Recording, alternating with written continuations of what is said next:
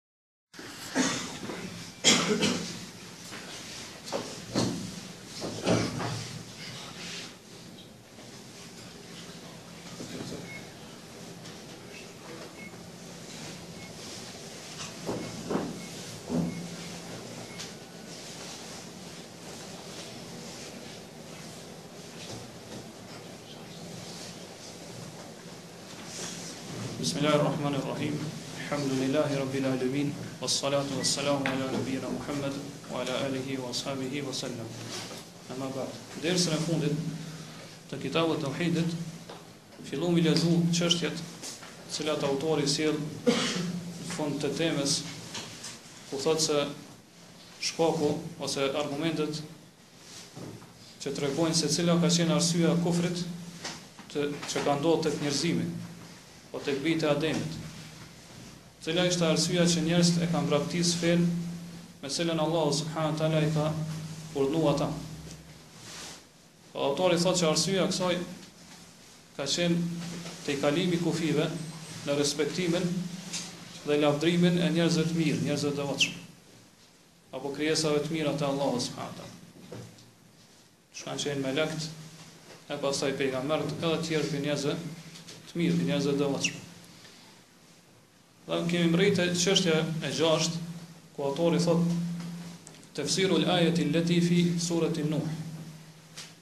Çështja e gjashtë flet për komentimin e ajetit i cili është në suren Nuh. Pra kemi shpjeguar gjatë shpjegimit të kësaj teme, ne kemi thënë se në këtë ajet tregohet se shkaku i shirkut që ka ndodhur te populli i Nuhit ka qenë se ata e kanë tepruar në respektimin, madhërimin edhe lavdërimin e njerëzve të devotshëm që kanë jetuar në atë kohë.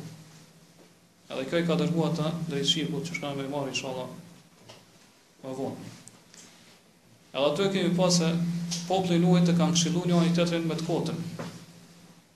E kjo është në kundërshtim me rrugën e besimtarëve, të cilët e këshillojnë njëri tjetrin me të vërtetën. Pra obligimi i besimtarëve është që ta këshillojnë njëri tjetrin me të vërtetën. Edhe të bëjnë sabër, të bëjnë durim në këtë rrugë.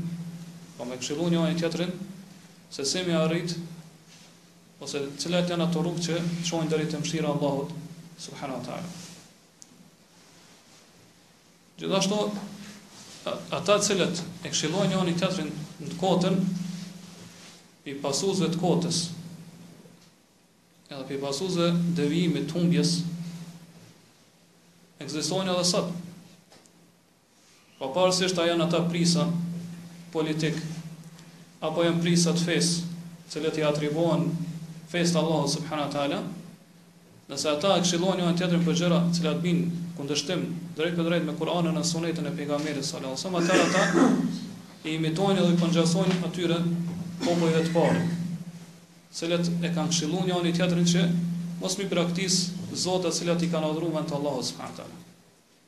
Po qysh ka ardh në ajet, në ajetin në suren Nuh. Pra ne e shohim që prej këtyne kretarëve prej prijësve, prijësve të fesë, apo dhe të shtetit, shteteve të ndryshme, kur vdes njëni prej tyne, e len një bazë, të cilën pastaj e len amanet dhe porosit ata që i vinë pas, pas ti, që me vazhdu në atë, baza apo në atë rrugë në cilën ka qenë ai. Edhe ky pastaj pasardhësi i tina e do thotë e zhvillon edhe më tej rrugën në cilën ka qenë paraardhësi e tij. Pastaj vazhdon autori thotë es-sabi'atu xhibil-letul ademij. Po çështja e shtatë tregon për natyrën e njeriut.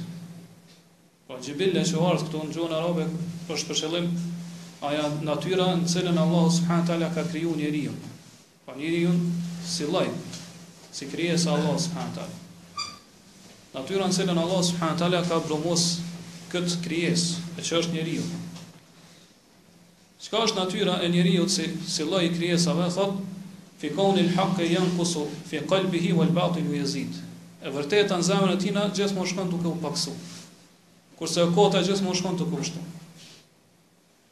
Pra po thamë kjo është sa i përket njeriut, i cili është si krijesa e Allahut subhanahu wa taala. Prandaj gjithsesi duhet që fjalët e autorit ta kufizojmë këtë mirë.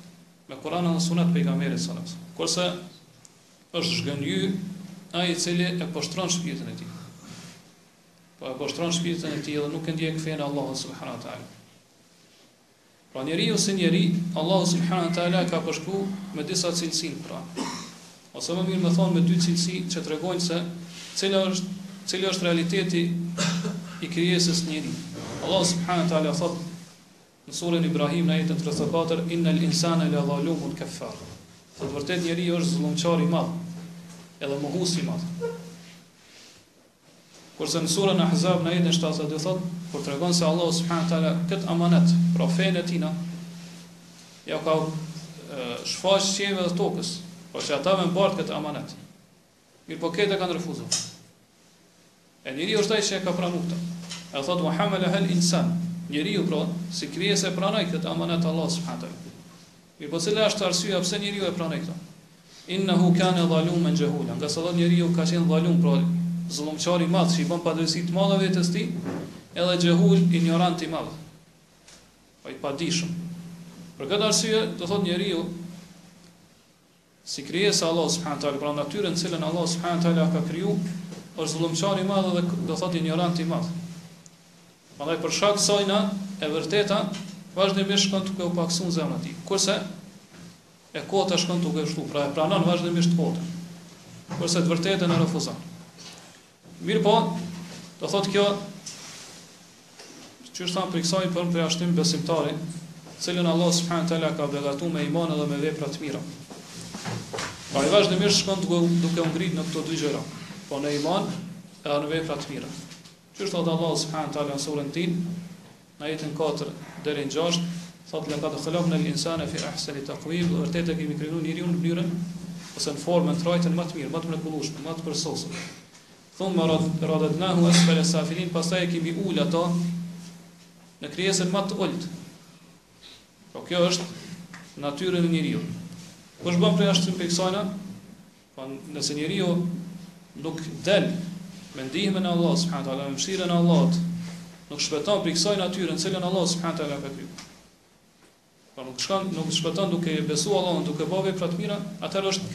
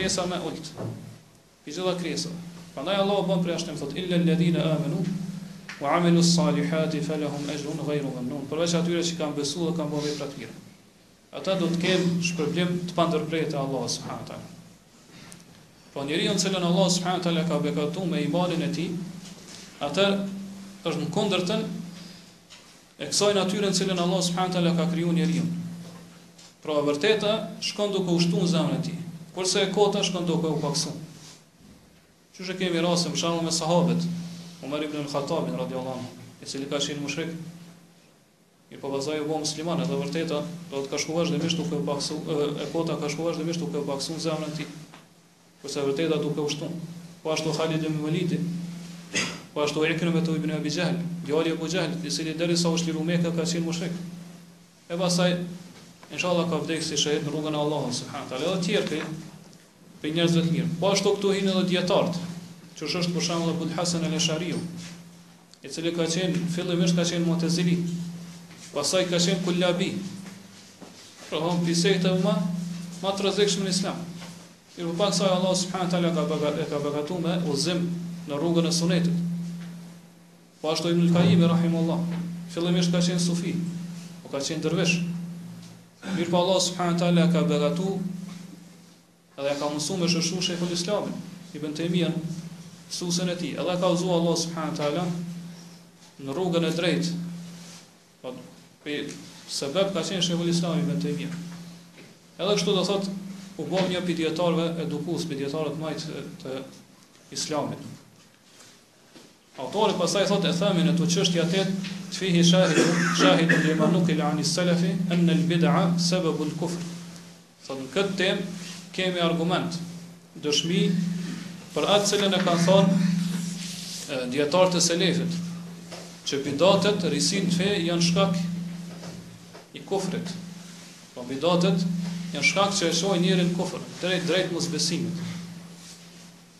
Dijetarët kanë thënë që kufri ka shkaqe të ndryshme. Po shkaqet që e çojnë njeriun drejt kufrit janë të ndryshme.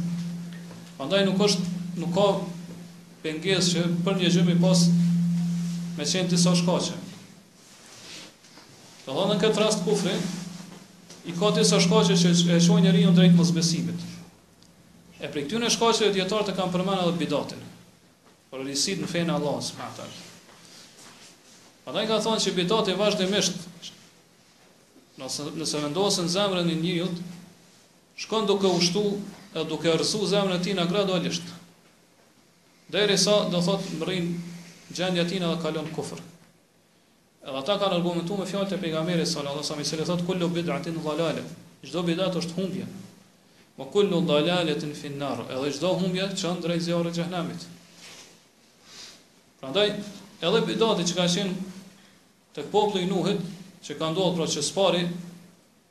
i kanë gdhend ato figurat, imazhet e atyne njerëzve të devotshëm, po i kanë kanë bërë skulptura për ta, figura e kështu me radhë statuja, kjo ka qenë bidat. Po qëllimi i tyre ka qenë, qysh kena me shpjegu inshallah, që kur t'i kujtojnë ata, ose kur t'i shohin me e kujtu adhurimin e shumtë që kanë bërë. E kanë bërë një bidat në fe.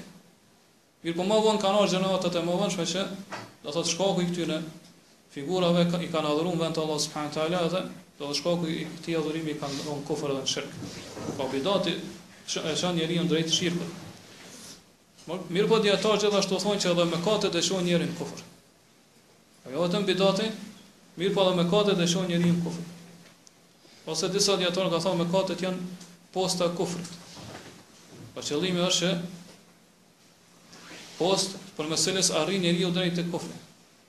Po me anë të saj, vazhdimisht, bën mëkate edhe mëkatet shkojnë duke u shumu. Duke u shtu në zemrën e tina, atëherë qysh ka thonë pejgamberi sonë, çdo mëkat që i bëhet, njeriut i bëhet një pikë e zezë në zemër. Nëse pendohet, atëherë ajo largohet, çrrënjoset prej zemrës së tina dhe pastrohet zemra e tina, bëhet e bardhë. Në hadithin që e transmeton Imam Ahmedi prej Hurajres radiallahu anhu.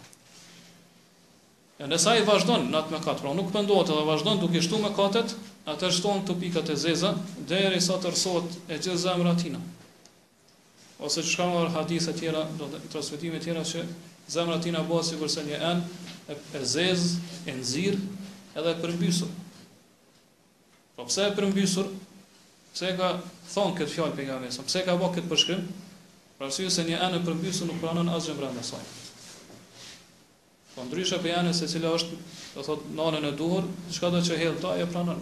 Mirëpo ena e përmbysur nuk pranon asgjë. Pra çdo gjë që hedhet mbi të ajo e refuzon. Prandaj edhe edhe mëkatet mundën me qenë shkak që njeriu me çu deri në kufër. Prandaj duhet njeriu të ketë kujdes sidomos në mëkatet të cilat i nënshmon edhe i sheh, do thonë si mëkate të vogla ose që nuk kanë peshë shumë te Allahu subhanahu teala.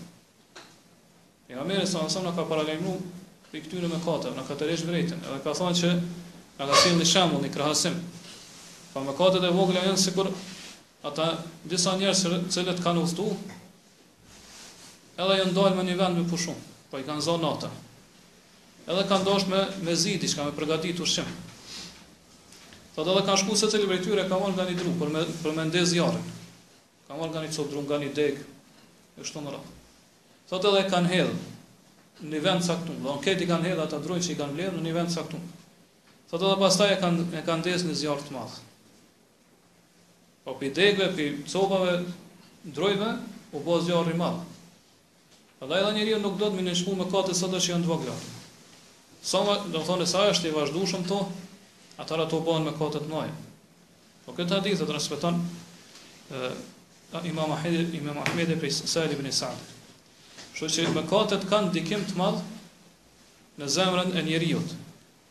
Ndikimi më i madh që mëkatet e lajnë në zemrën e njeriut ose efekti më i madh që që e bojnë është epshi. Do thotë që njeriu i jepet mas epshit ti. Mas epsheve ti në përgjithësi. Prandaj dijetarët kanë thonë epshi është më i rrezikshëm se sa dyshimi.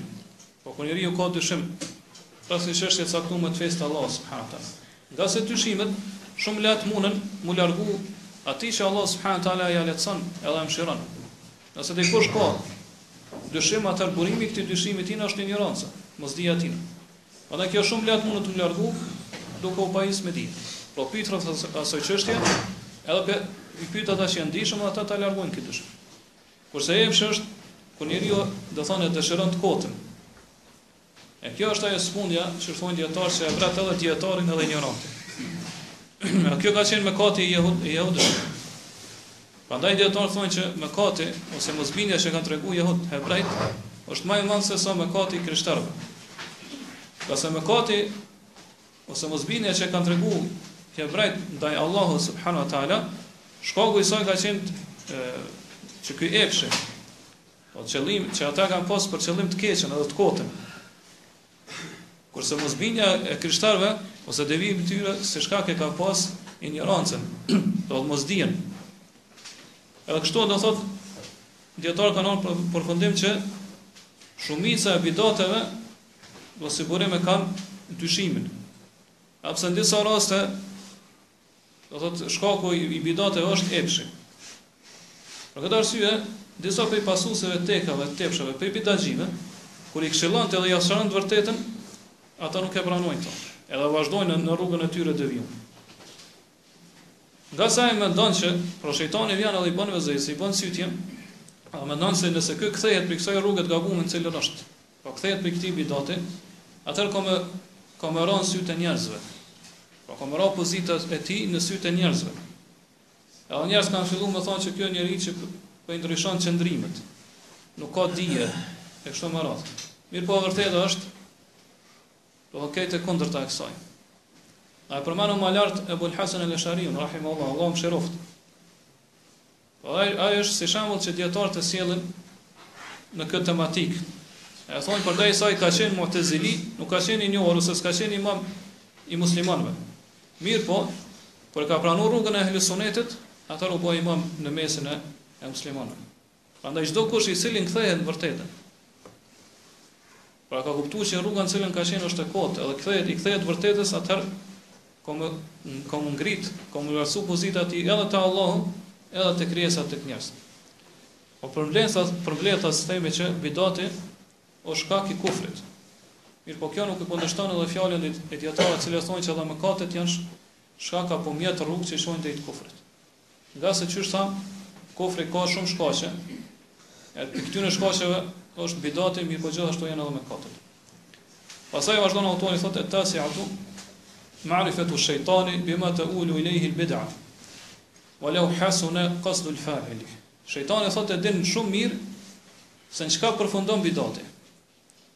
Po shejtani e din, e ka ditë dhe din vazhdimisht se çfarë pasoja sjell bidati dhe çfarë përfundime të këqija sjell bidati tek njerëzit, po siç thamë është kufri. Edhe nëse ata të cilët e bojnë bidatin e kanë nijetin e mirë. Shejtani e din shumë mirë këtë gjë. Ngase shejtani, siç e kemi sqaru në derset e kalume, ka ardh te këta njerëz, po te populli i Nuhit, Edhe jau ka zbukuru këtë gjë. Po siç u sqaron hadithi i ka inspiru ata.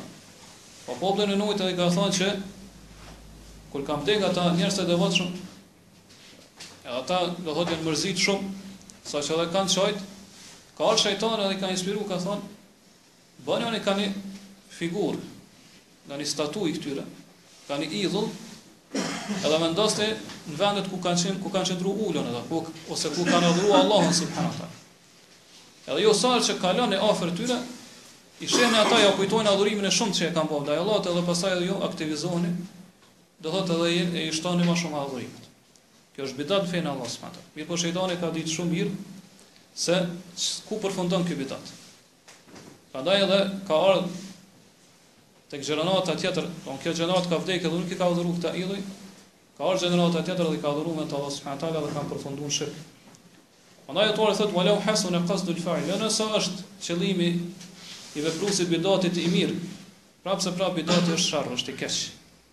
Nuk ka mundësi kurrsesi me kon e mirë.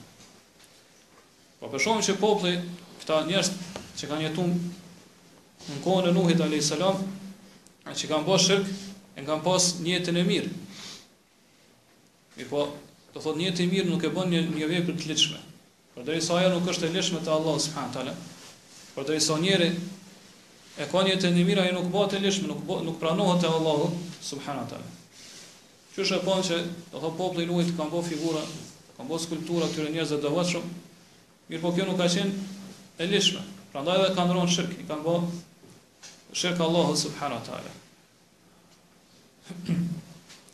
Kështu që duhet ta dimë se është parim, është bazë në Islam që përderisa një vepër nuk ka nuk është e ligjshme, pra nuk është lexuar Kur'an, nuk është lexuar në Kur'an apo në Sunet pejgamberit sallallahu alaihi wasallam, atëherë është haram, është edhe është bidat. Kurrsesi nuk mundet të bëhet ajo vepër e ligjshme me arsyetimin apo justifikimin e personit që unë kam nijetin e mirë. Po me këtë vepër unë po dua m'iu afru Allahut subhanahu wa taala e kështu me radhë. Ngase po e shohim se mundet një bidat me ra edhe me kon shkak që pasaj njerëz me përfundu në shirk. Edhe pas një kohë të gjatë, me i bë shirk Allahut subhanahu wa taala. Prandaj gjitha bidatet do të refuzohen dhe nuk do të pranohen prej muslimanëve. Ai i cili e bën bidatin, ai i cili e bën bidatin, edhe e din që është bidat, pra ka dije rreth sajna. Ata është përveç që i bën bidatin dhe i refuzohet, i refuzohet ajo vepër, nuk i pranohet te Allahu subhanahu wa taala. Ai i bën mëkat Allahut subhanahu wa taala. Ngase ai e ka bërë mëkatin me dije. Po njëjtë sikur një person i cili rren, do me thënë mashtron njerëz, edhe thot unë po rrej dhe po i mashtroj ata, për interesa të fesë, ose në dobi të fesë, e kështu me radhë. Kjo nuk lejohet kurrsesi.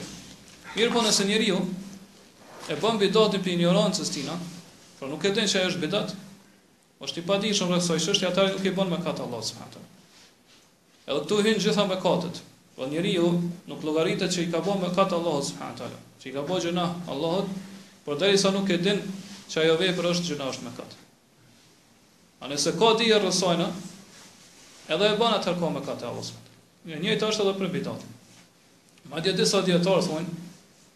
Që njeriu nëse e bën një vepër duke mos pas dije, pra duhet me dallu këtë çështje. Nuk ka dije që është bidat, mirëpo e bën atë. Me nijet të mirë. Po na thamë që nëse është nijeti i mirë do pranohet Allah. Mirëpo personi i cili e bën atë vepër me nijet të mirë. Atë ka mundësi që mu shpërblyt te Allah subhanahu taala për nijetin e tij të mirë. Edhe pse kjo vepër nuk i pranohet Allah subhanahu taala. Kjo nuk është vepër e mirë.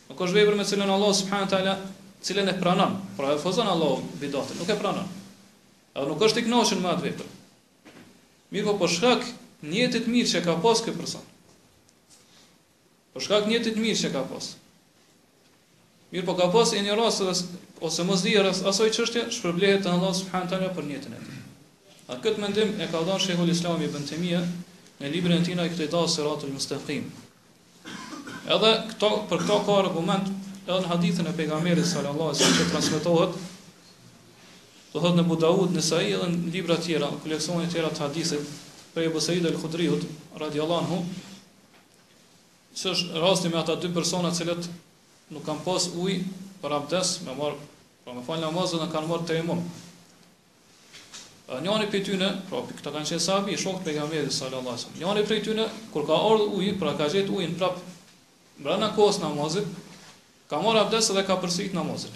Pejgamberi sallallahu alaihi wasallam ka thënë, ti ke mu shpërbly dy herë. Për arsye se ai ka pas nijetin e mirë. Edhe vepra e tij në origjinë do të thotë është vepër e mirë. Edhe pse kë, do thot nga aspekti i fikhut ka gabu. Për arsye se pejgamberi sallallahu alaihi wasallam, atij sahabiut tjetër që nuk e ka përsërit namazin, i ka thonë esabte sunne, ti ja ke qëllu sunetit. Pra vërteta ka qenë që mos me përsërit namazin. Po kjo është rruga suneti i pejgamberit sallallahu alaihi wasallam. Mirëpo ky e ka pas nijetin e mirë, atëherë për esëm ka thonë ti je shpërbly dy herë te Allahu, subhanahu wa ta'ala. Mirëpo nëse njeriu don me bo një vepër, don me bo dy herë, duke e ditë që ajo, ose don me bo një vepër duke ditë që ajo nuk është e ligjshme, atëherë për këto nuk ka shpërblim. Ngase vepra e tij është e paligjshme, edhe ai ka dije për ato, pra vepra e tij është kundërshtim me Sunetin dhe ai e din këtë gjë. Prandaj nëse dikush vjen dhe thotë unë po dua të bëj këtë bidat ose po e shpiki këtë vepër, po sjelli një vepër të re, një risi në fe, mënyrë që do thotë njerëzit mi shty ose me me motivu që me shtu adhurimin ndaj Allahut subhanahu wa taala, me ngjall ambiciet e tyre. Do thotë arsyetime të tjera.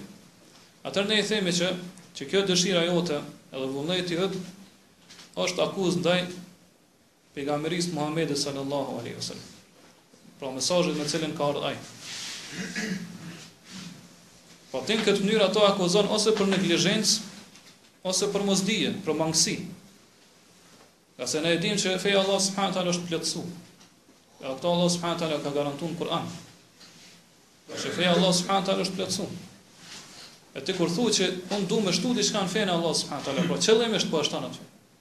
mënyrë që mi mi nxit njerëz me me shtu vepra të mira, ose do të thotë me shtu atë adhurim, atëherë ti në këtë rast ose e ke akuzu pejgamberin sa që ka qenë neglizhant, edhe s'na ka kumtu ne, s'na ka përcjell fenë e Allahut subhanahu taala ashtu siç e ka ngarku Allah, ose po e akuzon pejgamberin sa që ka qenë i mangët në dije.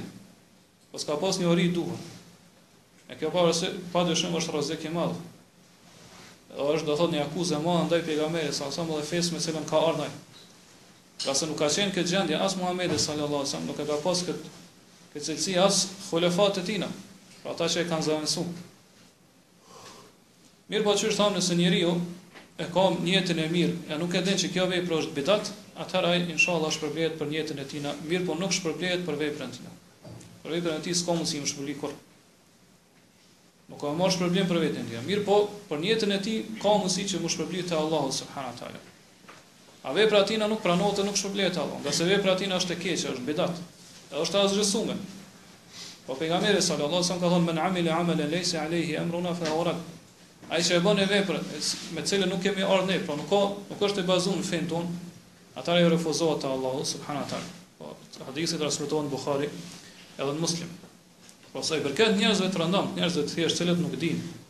Edhe ju ka përzi çështja. Po mendojnë që këto bidate janë prej fesë të Allahut subhanahu teala. Atëherë përderisa ata e kanë për qëllim hakun të vërtetën, mirëpo nuk kanë dije rreth tina, atëherë inshallah shpërblehen te Allahu kurse mëkati bie mbi ata që jau dhanë këto fetva. Bie mbi ata që i kanë deviju prej rrugës të Allahut subhanahu teala. Gjithashtu ne e dimë që ka shumë vende nëpër botë, në Afrikë ose do thotë në Amerikën Latine kështu me radhë, që njerëzve, do thotë njerëz nuk ju ka arrit Islami ose s'kanë ni kurrë për Islam. Po jetojnë nëpër vende të largëta. S'kanë pas kontakt ndoshta me njerëzimin hiç me civilizimin, civilizime të tjera. Edhe s'kanë ni kurrë për Islam. Ne nuk themi se ata janë muslimanë. E pasaj me jau fal xhenazën edhe me, do thotë me kërku mëshirë për ta.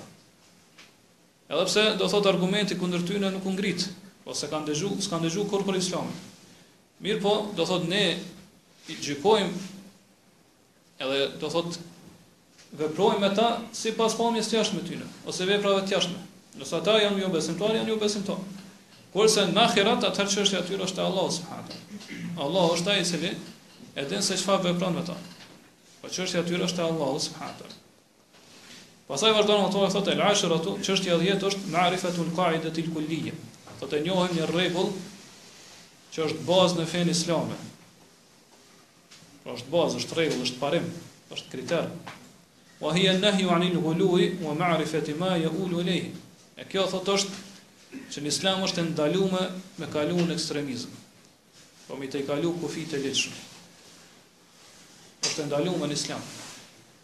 Thotë edhe përmes kësajna, përmes këtij kriteri, përmes këtij rre, kësaj rregulle ne e dimë se i dimë pasojat se çfarë sjell teprimi apo tejkalimi i kufijve në fenë e Allahut subhanahu wa taala. Po kjo është një çështje për cilën qysh kemi pa gjatë derseve të kaluara na ka tërheq vërejtjen pejgamberi sallallahu alaihi wasallam. Pra me pas gulu. Kemi thënë gulu është tejkalimi i kufive. Edhe tejkalimi i kufive ndodh në shumë çështje. Ndodh edhe në adhurime. Po ndodh edhe në çështje të thjeshta. Në gjëra t'lejume, qysh thot Allahu subhanahu wa taala, "Wa kulu washrabu wa la tusrifu." Në surën Araf ajeti 31. Hani dhe pini dhe mos e teproni. Pra edhe në ngrënje edhe në pirje njeriu mundet me tejkalu kufit me pas gulu. Pra kjo është e ndaluar në Islam. Gjithashtu Allah thot: "Walladhina idha anfaqu lam yusrifu wa lam yaqturu." Besimtarët janë ata të cilët kur shpenzojnë prej pasurisë tyre, as nuk e teprojnë, po as nuk janë dorështrëngum. Po janë e ndjekin rrugën e mesme në këtë gjë. Po janë mesatar. Kjo është rruga e besimtarëve. Mirëpo qëllimi jonë këtu është me sqaru se do thot është e ndaluar me tejkalu kufit në qysh thamë në madhërimin e respektimin e njerëzve të devotshëm, ngase kjo gjithsesi e dër, i dërgon njerëzit, të cilët bijnë në këtë ekstremizëm deri në shirk dhe në kufër. Për cilën e autori e ka shkruar edhe këtë temë, po në librin e tij, Allahu e mëshiroftë. Që kjo ka qenë shkaku që njerëzit kanë bërë kufër edhe kanë lënë fenë e Allahut subhanahu. Dhe përmes kësajna ne Përmes argumenteve që i ka sjellë autori në këtë temë, që kemi lexuar në derset e kalume, ka kundërpërgjigje ndaj atyre të cilët i adhurojnë varret në kohën e sotshme, edhe thonë që do thotë nëse ne ndërtojmë përmbi varre, po ndërtojmë kupolla, faltore, edhe gjëra tjera, atëherë kjo tregon se ne i dojna, kjo është shej e dashurisë tonë ndaj këtyre njerëzve të devotshëm. Po ashtu thonë fakti që ne kërkojmë ndihmë prej tyre. kërkojmë ndërmjetësim prej tyre që me ndërmjetësu për neve te Allahu subhanahu wa taala. Ose kur ne therrim kurban për hir tyre, apo zotohemi në emër tyre kështu më radh apo kërkojmë ne bereqet me dheun e asaj tyrbe ose ose të atij varri kështu më radh, kjo nuk është prej shirku. Po kjo thjesht është shenjë që ne i dojna ata, po shenjë e dashurisë tonë ndaj tyre. Thotë edhe ju, cilët po na refuzoni dhe po na kundërshtoni në këtë çështje, ju nuk i doni njerëz të devotshëm. Po këtë mënyrë ata e kanë komentuar dhe kanë interpretuar dashurinë dhe urrejtjen për hir të Allahut subhanahu teala. Po kanë thënë që dashuria ndaj njerëzve të devotshëm është me adhuru ata në vend të Allahut. Kurse urrejtja ndaj tyre është me lënë adhurimin ndaj tyre. E kjo pa dyshim është ndryshim i natyrshmërisë në cilën Allah subhanahu teala i ka krijuar njerëzit.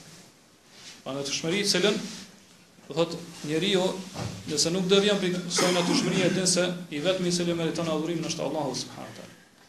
Andaj edhe ajetet dhe hadithet që autori i sjell në këtë temë, ju kundërpërgjigjen këtyne personave. Ai tregon se kjo nuk është prej dashurisë njerëzve të devotshëm. Mirëpo është prej tejkalimit kufive në respektimin dhe lavdërimin e tyre. Tejkalim i cili gjithsesi se njeriun e shpie drejt shirkut dhe drejt kufrit.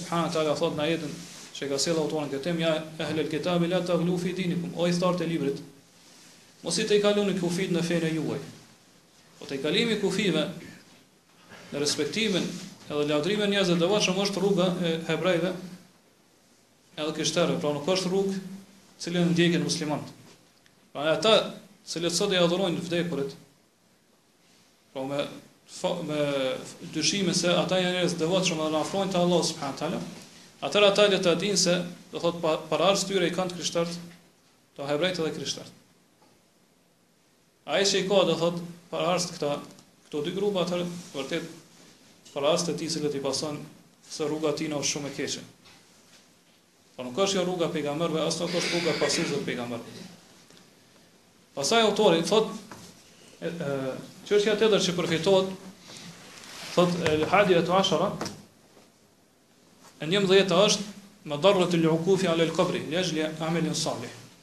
Thotë këtu sqarohet se sa e dëmshëm është që njeriu me shku dhe me qëndru me përnderim ose me madhrim afër një varri për hir të një vepre të mirë. Po cili është ky dëm që arrihet në këtë rast? Po qëllimi është se ose cila është pasoja? Siç thamë deri tash që nëse dikush shkon edhe qëndron me madrim edhe përnderim afër një varri, Atëherë kjo gjithsesi ka me dërgu ato drejt adhurimit tina. Edhe ka me i bo shirk Allah subhanahu taala. Edhe nëse ky arsyetohet edhe thotë që unë aty veç po shkoj me bën një vepër të mirë, ngase ai vend është më i bereqetshëm dhe vepra ime pranohet te Allah subhanahu taala. Për shembull ka raste që njerëz shkojnë edhe lexojnë Kur'an te te varri një njeriu devotshëm. Apo shkojnë edhe dhojnë sadak te varri tina. E kështu me radhë. Edhe mendojnë se vendi ku gjendet varri i këtij personi Ka një lloj veçurie, pra që dallon prej vendeve të tjera. Andaj nëse do thotë bën një vepër të mirë afër atij varri, atëherë ka me t'u pranu gjithsesi te Allahu subhanahu wa taala. Ose gjasat me u pranu janë shumë më të mëdha. E këto janë prej bidateve. Pra kjo është prej atyne bidateve që njeriun e çon drejt drejt adhurimit këtij varri apo atij personi që është i varrosur aty dhe me i bë shirk Allahut subhanahu wa taala. Prandaj këtu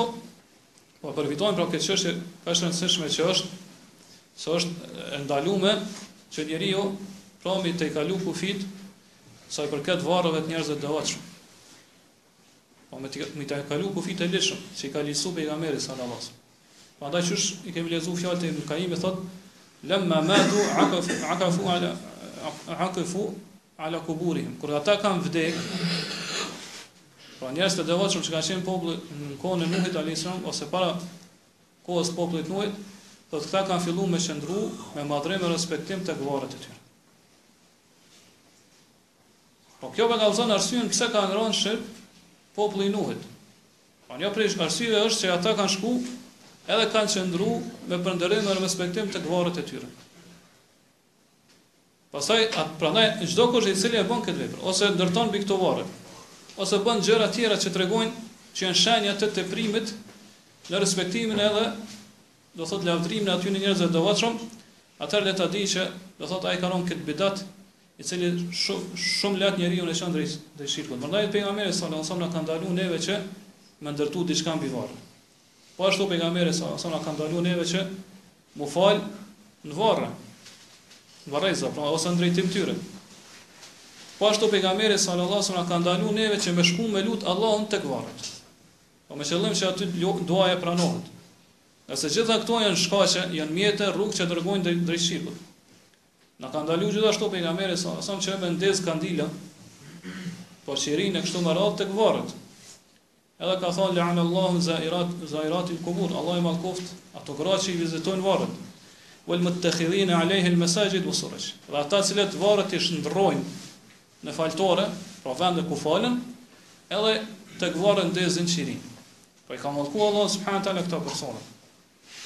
Ngase nëse veprohen këto gjëra, atër njerëzit e rëndomtë, njerëzit e thjeshtë mashtrohen.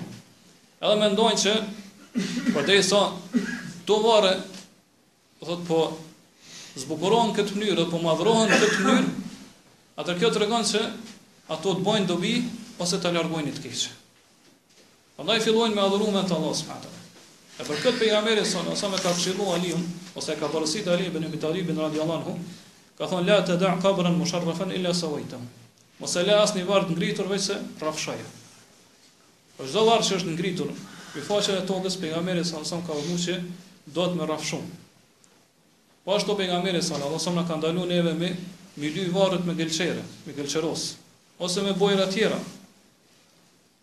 Ose mi ndriçu ato me me drita. Ose do thot mi zbukuru me me me ngjyra ndryshme ose me me zbukurime me stolisje ndryshme. Ngase gjitha këto gjëra i mashtrojnë njerëzit të cilët nuk kanë dije, pra njerëz që janë të padijshëm, masat e thjeshta, masat e rëndomta. Edhe mendojnë që përderisa kjo vepër është bërë te ky varr, atëherë kjo tregon se është është ai më i veçantë. Sidomos kur është varri i një njeriu të devotshëm ose njeri që ka pas pozitë në mesin e njerëzve. Prandaj pejgamberi sa na ka ndaluar edhe me shkru në varr. Kështu që nuk lejohet me shkru në varr as emrin e të vdekurit, as datën kur ka vdek ai, vendin ku ka vdek, apo me shkru edhe naj naj varg që e lavdron ato. Për shembull, thonë kjo është varri i filanit, birit filanit i cili ka ka bë këtë vepër apo këtë vepër, këtë vepër në dobi të njerëzimit. Këtë kjo është nuk lejohet edhe na ka ndalu pejgamberi sa. Pse i ka ndalu këto? Ngase gjithmonë Do thotë shkaku që njerëzit kanë rënë në shirk ka qenë teprimi i respektimit apo madhërimit të njerëzve të devotshëm. E prandaj zbukurimi i varreve apo ndërtimi me ndërtu mbi varre i mashtron njerëzit dhe mendojnë që ai varr ka paska pozitë te Allahu subhanahu taala ose i vdekuri është ka më i veçantë, prandaj të bën dobi ose ta largon një të keqe.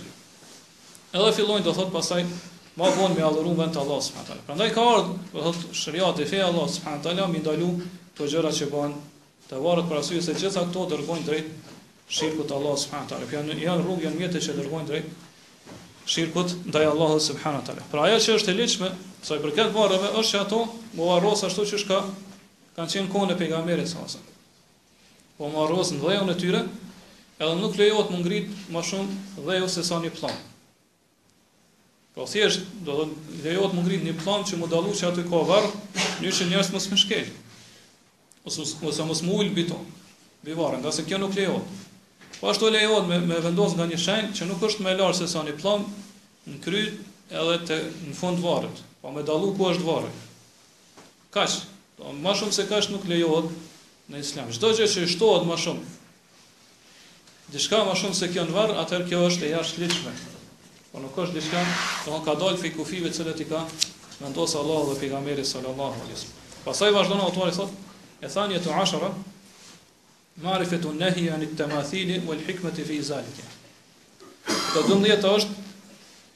Me njoft ndalesën, pra pse Allahu subhanahu wa taala dhe i dërguari i tij na sallallahu alaihi wasallam na ka ndaluar neve prej skulpturave.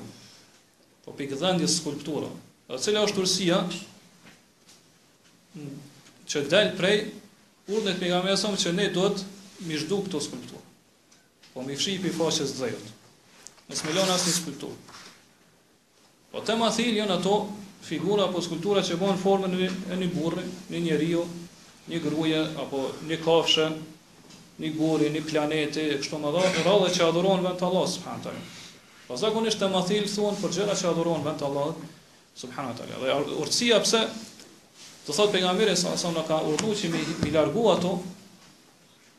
Po thotë, mos me i lanë mbi faqen e dheut, është që ato janë rrugë që i çojnë njerëzit drejt adhurimit dikujt tjetër përveç Allahut, po me adhuru ato gjëra në vend të Allahut, subhanahu wa taala.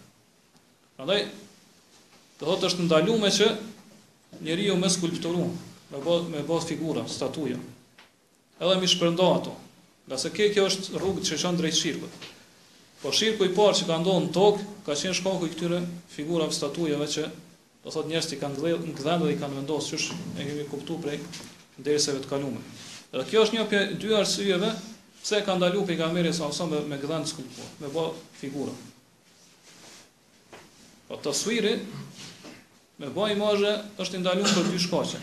E para është se ajo është rrugë që çon n'shirk, edhe dyta është se do thotë me këtë njeriu e imiton krijimin e Allahut subhanahu wa taala. Mundohet me imitu.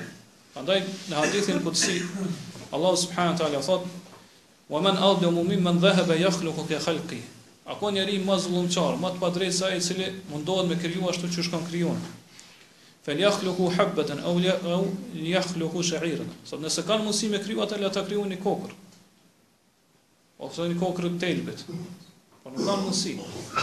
Kështu që ai i cili do thotë i gdhen skulpturat, ata ai e imiton Allah subhanahu wa taala në krijimin e tij, do thot kur e, e formon kët kët figurë. Për këtë arsye do thotë i bën atina gjymtyrë t'ndryshme syt, do thotë vesht, hunën, fytyrën krejt çka durt e kështu me radh, edhe me kët ai Do thotë mundohet me imitu krijimin e Allahut subhanahu teala. Përndryshe na e dimë se ai nuk ka mundësi që me fry shpirtin këtë kësaj figure. Prandaj Allah subhanahu teala siç ka n'hadith, ka me urdhnu këtë person që ditën e Kiametit m'i dhon shpirt asaj figure ose asaj statuje. Nganjëherë do thotë kemi pa që ata këto skulptura i bojnë në formën e njeri, njeriut ose personit që është duke qeshur ose duke qaj. Ose që e ka vendosë dorën n'ballin e tij. Ose një, një figurë, një imazh që tregon se do thotë është i gëzueshëm ai personi që u personifiku aty. E kështu me radhë. Këtë kjo është do thotë imitim i krijimit të Allahut subhanahu teala. Edhe pse do thotë njerëzit e quajnë që kjo është art. Mirëpo në islam kjo është art i ndaluar. Po nuk lejohet. Është haram që njeriu me me gdhen skulptura të tilla.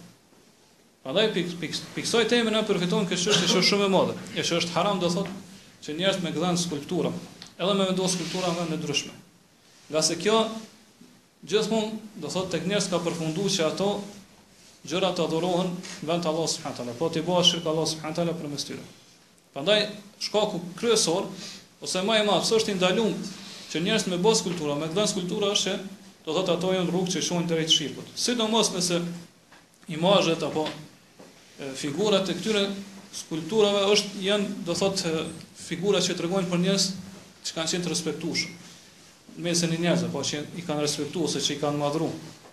Po siç janë kryetarët e shteteve, mbretërve, apo do thot ndoshta janë njerëz të devotshëm, apo prijësat fetar, të sekteve të ndryshme, e kështu me radhë. Zakonisht kjo ndodh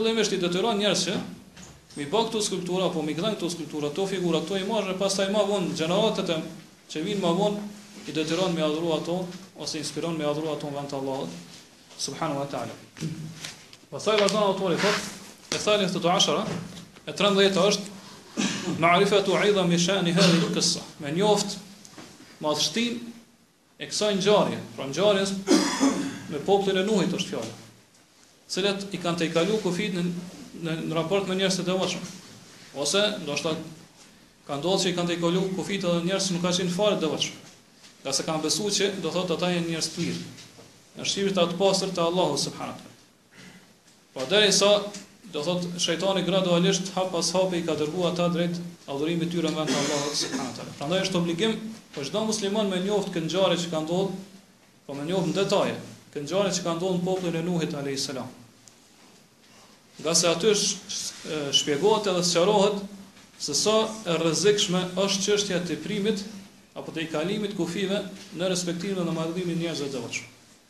Po tregon pasojat e rrezikshme që i ka kjo gjë. Rezultatet e këqija, pasojat e mëdha që rezultojnë pas pas kësaj çështje. Po në respektimin dhe apo tejkalimin e kufijve në respektimin e njerëzve të devotshëm. Prandaj është obligim apo është nevojë e madhe që njerëzit me njoft këtë ngjarje. Edhe pse do thotë e shohim se kjo ngjarje nuk përmendet shumë në mesin e njerëzve.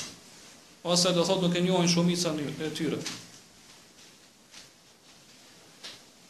Edhe shkaku i kësaj, do thotë e shohim nëse ne meditojmë pas gjendjes njerëzve, shumicës njerëzve që janë sot në tokë, e shohim se ata do thotë janë të pavëmendshëm këtë çështje. Po nuk e dinë që shkaku pse njerëzit i ka çu deri drejt idhujtarisë nuk ka qenë mu kjo çështje. Pra teprimi apo tejkalimi i kufijve në respektimin dhe madhërimin e njerëzve të devotshëm. Prandaj e shohim që në vendet islame sot ose në botën islame kjo ende vazhdon. Edhe shohim që do thot njerëzit nuk ndalen vetëm në respektimin e tyre. Mirëpo gjithmonë çështja e tyre përfundon se ata fillojnë me i adhuru në vend të Allahut subhanahu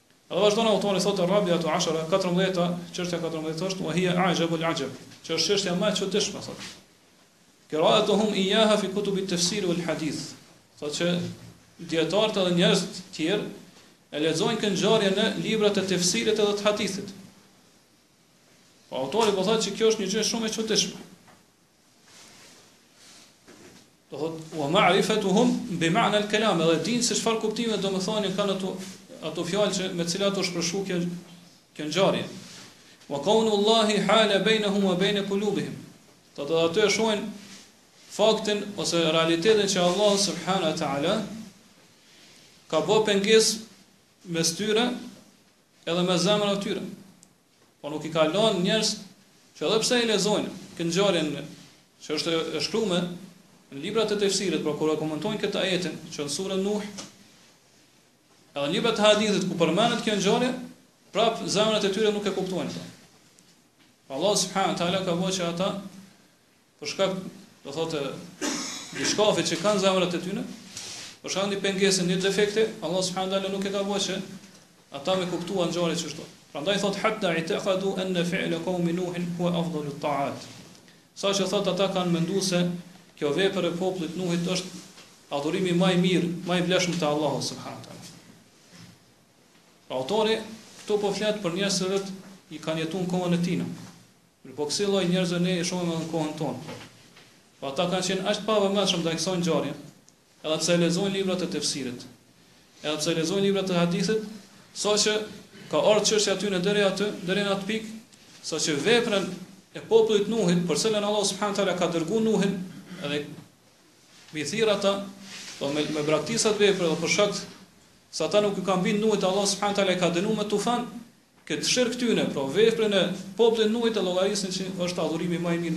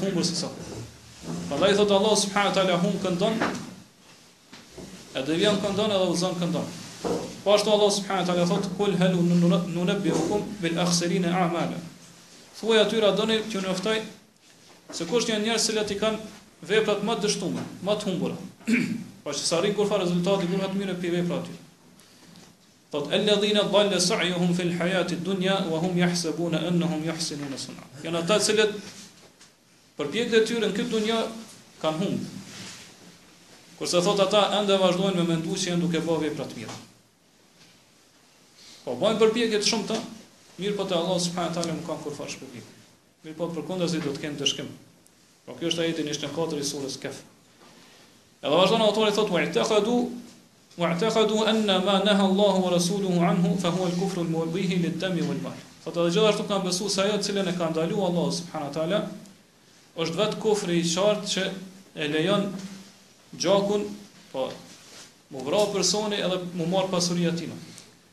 Po këta persona të cilët kanë besu se shirku dhe kufri është vepra më e mirë, adhurimi më i vlefshëm te Allahu subhanahu wa taala. Edhe që kjo vepër të afron te Allahu subhanahu wa taala, kanë besu që kjo është do thot kufri i cili e lejon, do thot gjakun edhe pasurinë e personit. Kështu kuptohet prej do thot fjalëve të autorit apo kuptimit dukshëm të jashtëm tyre. Mirëpo siç thotë Shejh Uthejmin Allahu e mëshiroftë, që ndoshta qëllimi i autorit ka qenë se ata kanë besuar se ajo që është e ndaluar është vetëm kufri i qartë që është, i cili lejon që njeriu pastaj do thotë të preket gjaku apo pasuria e tij. Kurse ajo që është nën këtë nivel e që është për shembull tejkalimi i kufijve në njerëz të devotshëm, kjo nuk është e ndalume. Allahu alem se cili ka qenë, do thotë, ajo qëllimi i autorit pas këtyre fjalëve. Vazhdon thotë el khamisatu ashara e 15 është at-tasrihu bi annahum lam yuridu illa ash-shafa'a. Do thotë në mënyrë të qartë Sqarohet se populli i Nuhit kur i kanë adhuruar këta këto skulptura, këta idhuj në vend të Allahut subhanahu teala, po nuk kanë kërkuar diçka tjetër veç se që ata me ndërmjetësu te Allahu subhanahu teala. Pra nuk i kanë besu ata si zota që krijojnë së bashku me Allahun krahas Allahut, apo që furnizojnë krahas Allahut subhanahu teala. Nuk i kanë besu ata si zota, të cilët e ndajnë zotërimin edhe udhëheqjen e këtij universi bashkë me Allahun, pra që janë ortak në sundimin edhe zotërimin e këtij universi me Allahun subhanahu wa taala. Mirëpo qëllimi i tyre ka qenë që kur t'i adhurojnë këta idhuj në vend të Allahut subhanahu wa taala, atëherë shpirtrat e këtyre personave që janë ju kanë dhënë imazhe dhe janë personifikuar këto në këta idhuj, këto skulptura zbresin aty afër, edhe pastaj dëshirat Lutjet edhe adhurimet e tyre i ngritin edhe i çojnë te Allahu subhanahu wa taala. Pra thjesht kanë dëshiruar që ata me ndërmjetësu te Allahu subhanahu wa taala. E kjo është realiteti i shirkut të gjithë mushrikët, të parët dhe të mëvonshmit. Çdo kohë dhe çdo vend. Prandaj është detyrë e muslimanit me ditë se cili është realiteti i shirkut për shkak të cilit njerëz Allah subhanahu wa taala ka gjykuar për ta që kanë bërë shirk Allah subhanahu wa taala.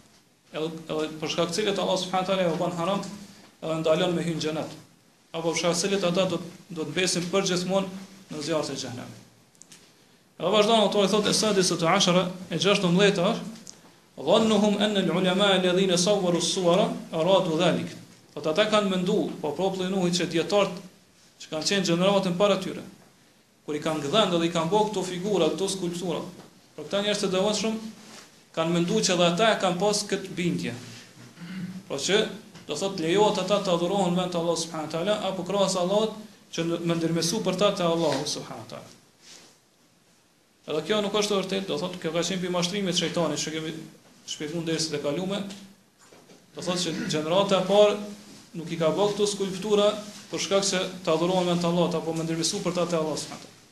Mirpo qysh thamë sot në fillim të dersit, qëllimi i tyre ka qenë që do thot kur t'i shohin figurat e tyre, skulpturat e tyre këta me u aktivizu edhe më shumë në adhurim.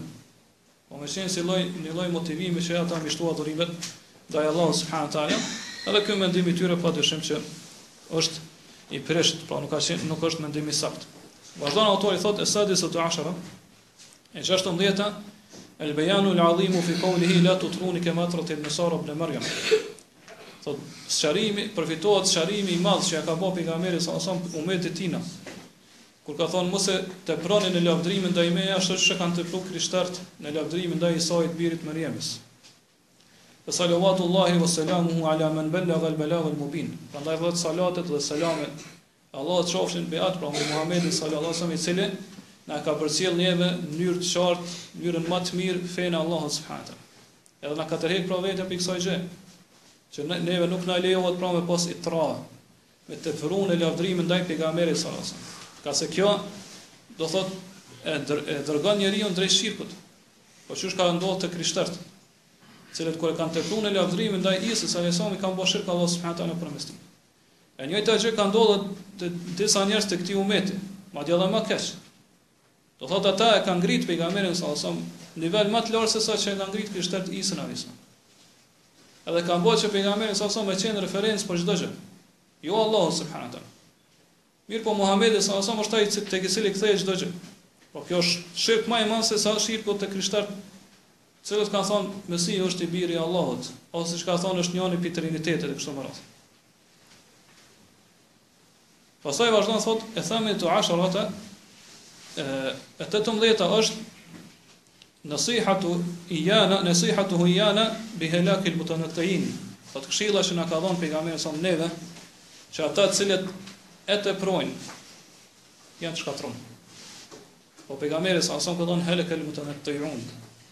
Janë shkatrru ekstremistët, janë shkatrru ata që i tejkalojnë kufijtë, janë shkatrru ata që e teprojnë në fenë e Allahut subhanahu wa taala.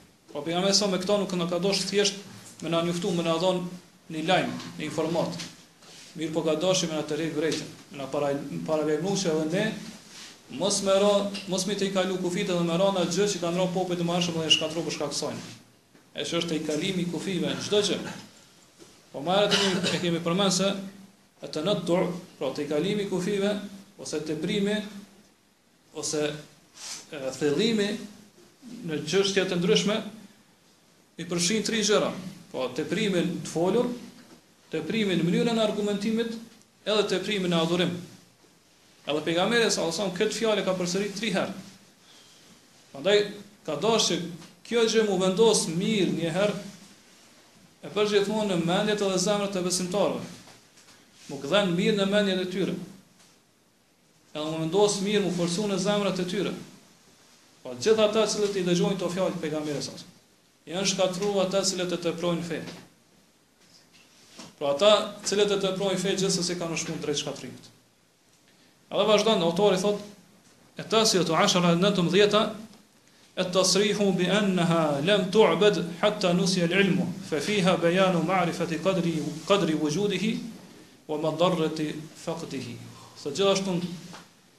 Në këtë temë sqarohet në mënyrën më të mirë se këta njerëz të devotshëm nuk ose idhujt skulpturat e tyre nuk janë adhuru në vend të Allahut subhanahu teala përderisa nuk është harru dija. Po kur njerëzit e kanë harru dijen e të parëve tyre, po dijen me të cilën ka ardhë Ademi alayhis salam, edhe të cilën kanë jetu gjeneratat pas tij deri në kohën e popullit të Nuhit, po që ka qenë dija e teuhidit, Pra mos i bësh shirk Allahu subhanahu teala. Kur është harru kjo dije, do të ata njerëz kanë fillu me adhuru. Vend të Allahut subhanahu teala. Prandaj thotë këtu na bëhet e qartë edhe njohim shumë mirë vlerën e madhe që e ka dija. Po kur dija ekziston në mesin e njerëzve. Po ashtu e na sqarohet shumë mirë dëmi i madh që shkaktohet pasojat e mëdha që shkaktohen kur njerëzit nuk kanë dije. Ose kur mesin e tyre humb dija.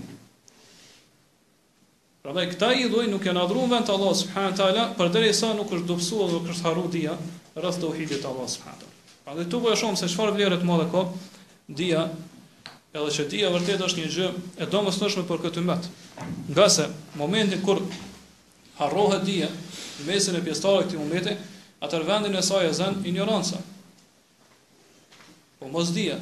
E kur me kur mesin e pjesëtarëve të këtij umeti vendoset injoranca mosdija, ose në mesin e çdo populli tjetër, atëherë mos pyet për atë popull dhe për gjendjen e tina.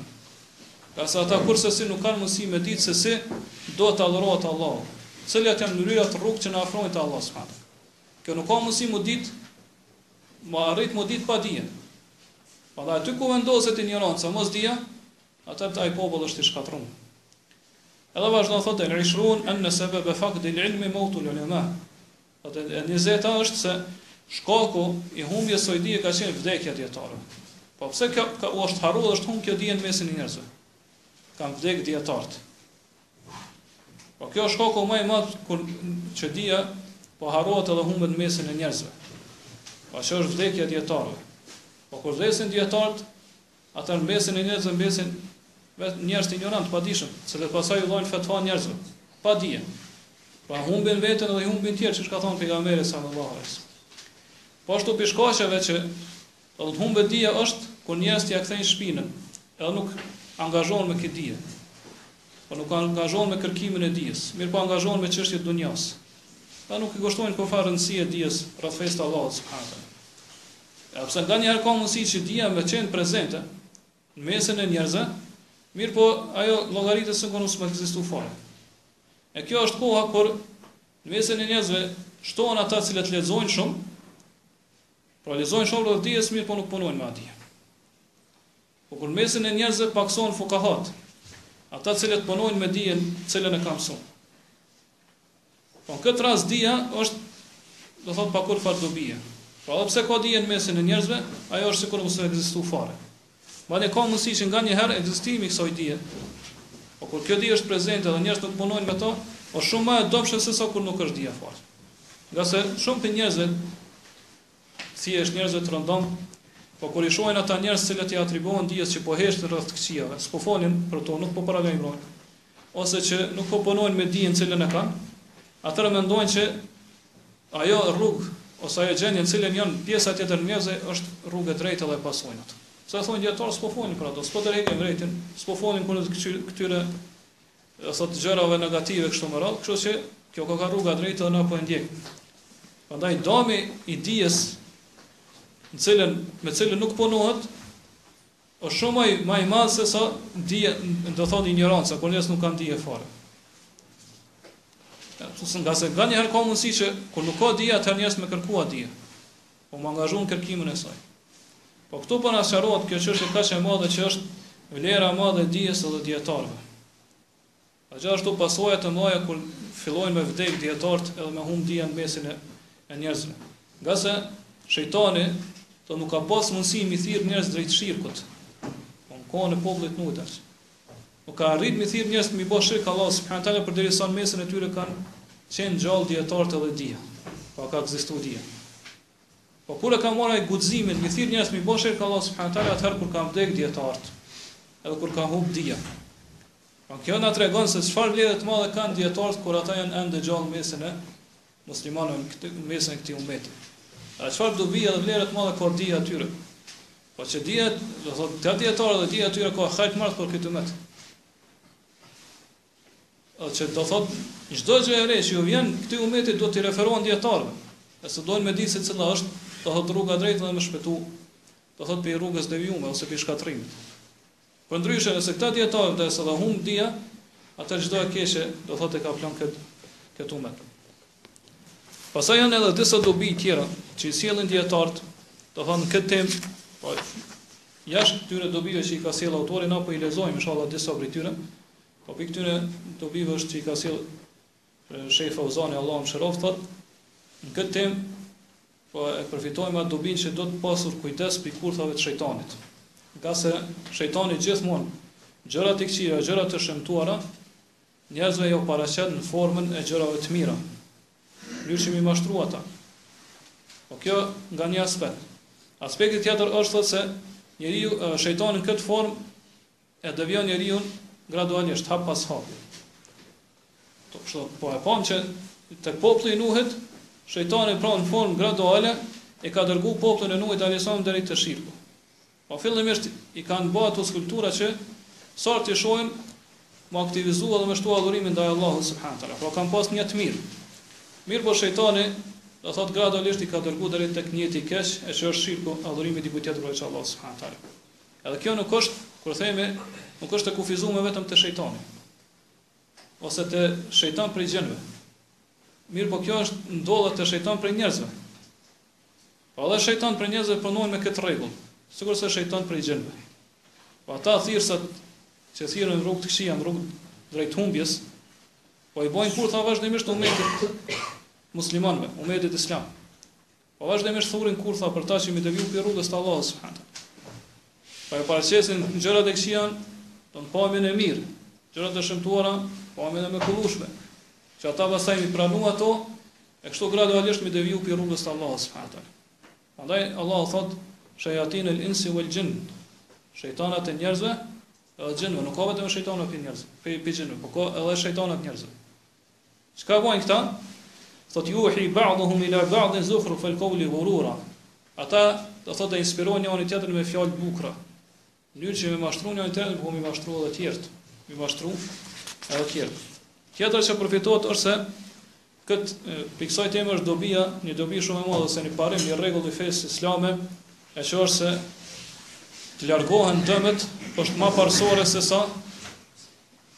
të fitohen dobitë apo interesat.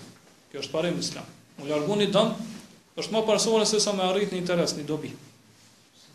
Po është rregull është parim i njohur në fenë tonë. Ngase vepra e popullit Nuhit, pra ka pas një lloj dobie. Sado e pjesshme që kanë ajo. Po ata kanë menduar që kur i gdhendin këta skulpturat e këtyre njerëzve të devotshëm, ata i kujtojnë gjendjen e tyre kur kanë qenë gjatë jetës që kanë adhuruar Allahun subhanahu wa taala shumë, edhe këta pastaj do thotë i shtojnë prej adhurimit. Mirëpo dëmi ka qenë shumë më i madh. Do thotë që do thotë kjo vepër e tyre i ka dërguar ata drejt shirkut në Allahun subhanahu wa taala. Pastaj po i përmendëm shkurtimisht edhe disa dobi tjera që përfitohen prej haditheve që autori sjell në fund.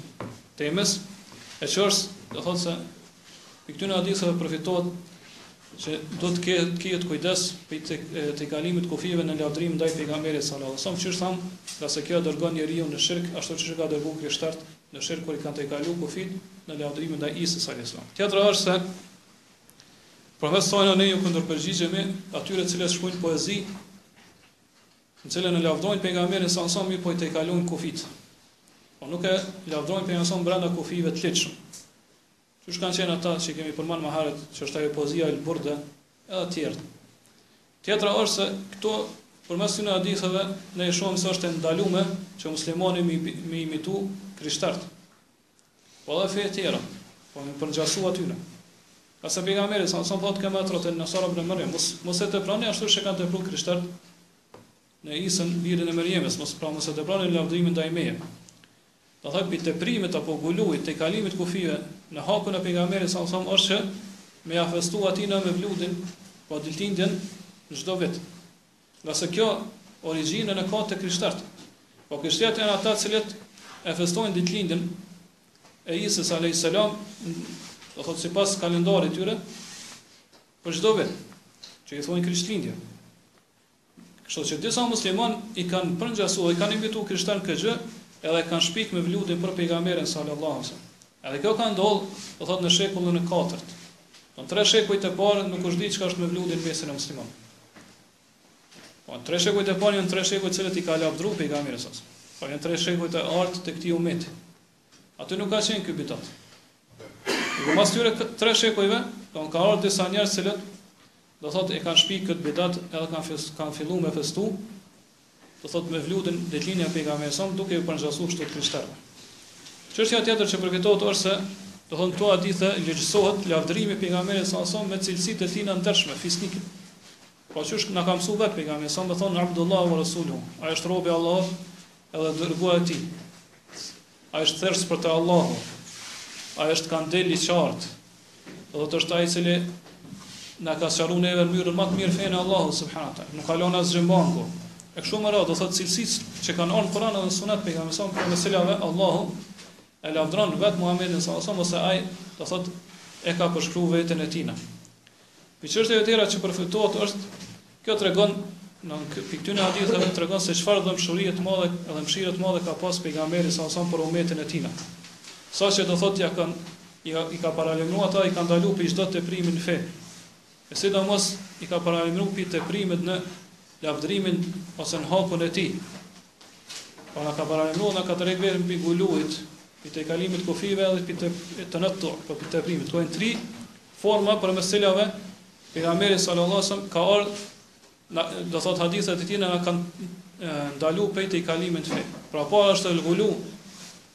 E dyta është el itra, që kemi thënë është tejkalim i kufijve në lavdrimin ndaj dikujt.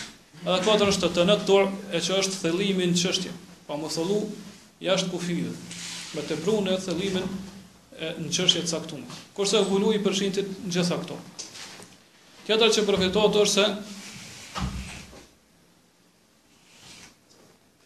kur dikush ja ndalon dikujt një gjë, atëherë duhet me përmend një gjë që është e lejuar si zëvendësim të asaj.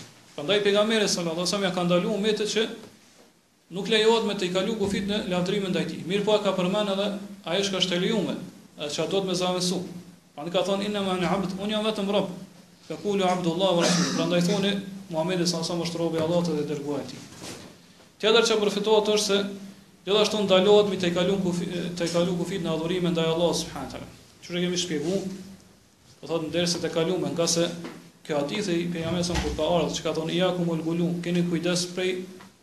guluit, tejkalimit kufijve, ekstremizmit, fa inna ma ahlaka men kana qablakum el gulu, ngase ata që kanë qenë para jush, ajo që i ka shkatërruar ka qenë guluji, pra tejkalimi i kufijve. Kjo ka ardhur si si shkak i kësaj këtyre fjalëve të pejgamberit edhe pse këto janë përgjithshme çdo çështje të fesë çdo adhurim ka ardhur do thotë për gurët të cilat hidhen në gjatë haxhit xhemerate Po pejgamberi e ka treguar sa do të jetë sasia e tyre, madhësia e tyre edhe numri i tyre. Prandaj çdokush që i tejkalon kufijtë e ligjshëm në këtë çështje, pra sjell madhësi më të madhe të gurëve, ose numër më të madh, ose i hedh këta gurë jashtë kohës së cilën e ka ligjësu pejgamberi atëherë, do thotë ai ka shpik diçka në fe e që i ka tejkalu kufijtë e Allahut subhanahu. Edhe bidati ndahet në dy lloje.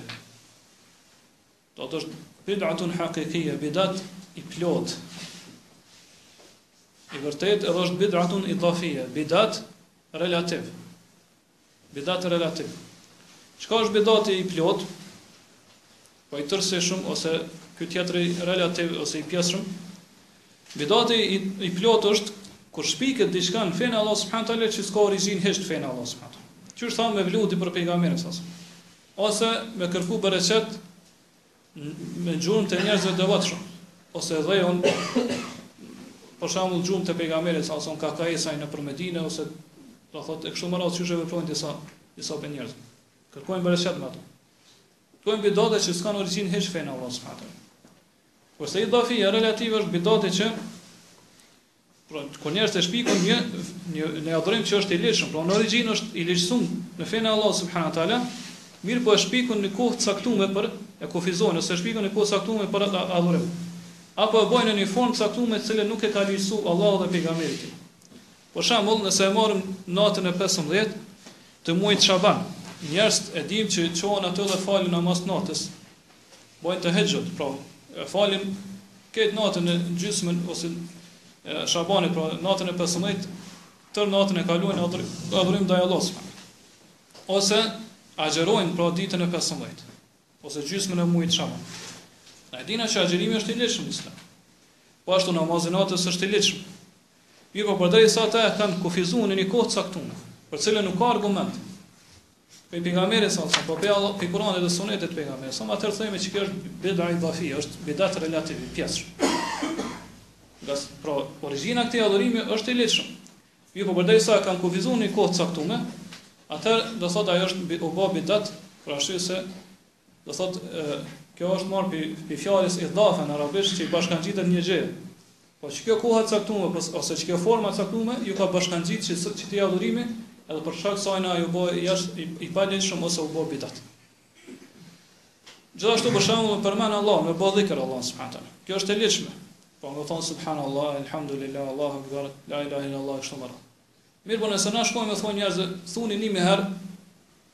Subhanallah ose la ilaha illallah. Ose Allahu akbar kështu me radhë. E themi që ky kufizimi që vepron me këtë numër, po menjëherë që kjo është bidat. Nuk po themi që do thotë origjina e kësaj vepre është bidat, ngase dhikri ka është i ligjshëm në fenë e Allahut. Mirëpo është bidat relativ, i pjesshëm. Ngase, do të thotë çka ti po ia bashkangjit këtij Adhurimi e qikjo formë, ose qiky kufizim, nuk ka bazë në Kur'an apo Sunetin e Pejgamberit s.a.s, prandaj, këto e ban, e ban bidat.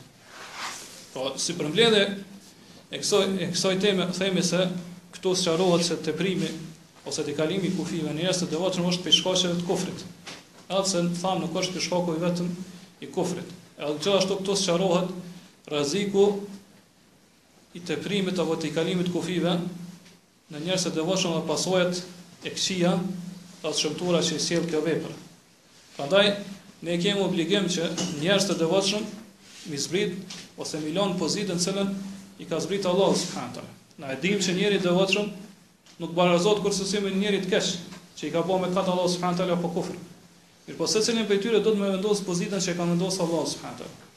Prandaj ne nuk i tejkalojmë kufijtë në njerëz të devotshëm, e që pastaj do thotë me i adhuru ata me të Allah subhanahu taala, apo me tejkalu kufijtë në lavdrime dhe respektimin e tyre. Po feja e Allahut subhanahu taala është feja e mesme. Nuk do të njeriut me i dhon ma shumë sesa që e meriton.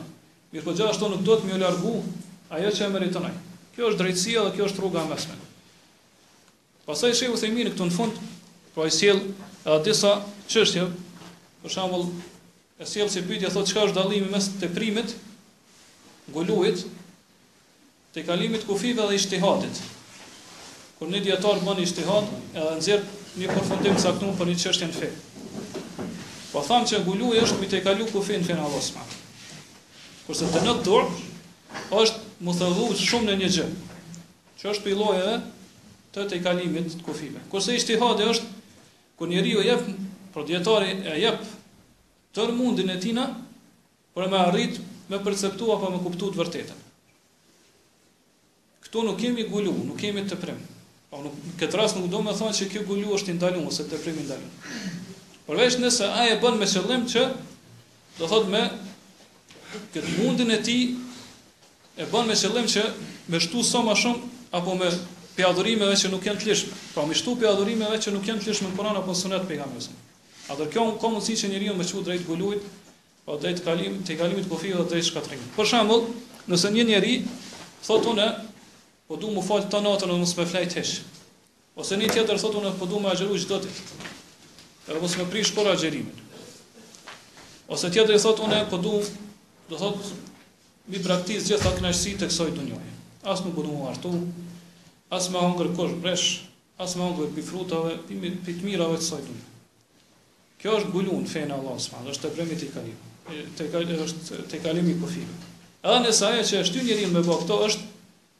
Ijtihadi, pra mundi i tij, po edhe mirësia, pra ai ka për qëllim me bo mirë. Mirëpo kjo është kundërshtim me Sunetin edhe udhëzimin e Pejgamberit sa. Siç e kemi sqaru në dersin e kaluar, ose në derset e kaluara. Prandaj është teprim, është tejkalim kufi. Pyetja tjetër që e sjell Sheh Uthejmin këtu thotë është cili është vendimi kur njeriu shkon te varret e njerëzve të devotshëm për me lezu Fatihan ose pjesë tjera të Kuranit.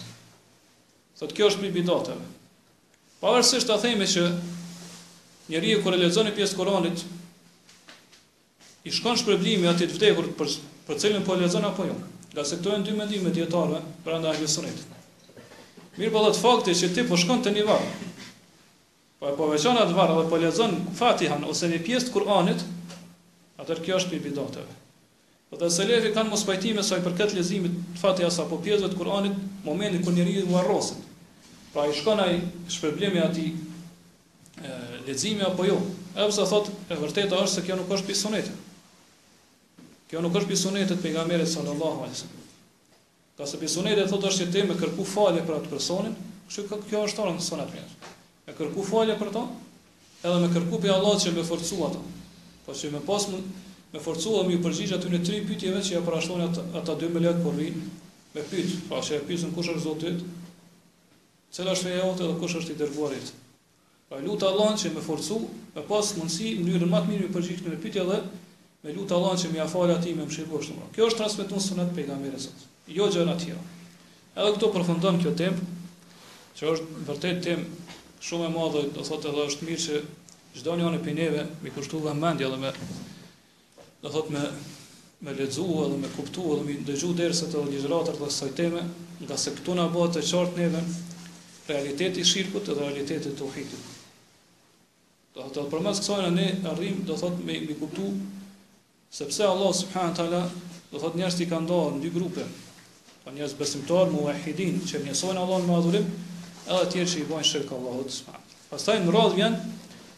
Tema tjetër për të cilën do të flasim inshallah në derset e ardhshme, e që janë argumentet të cilat tregojnë se pejgamberi sa sam i ka qortu ashpër ata njerëz të cilët e adhurojnë Allahun subhanahu teala te varri i njërit e një njeriu të devotshëm.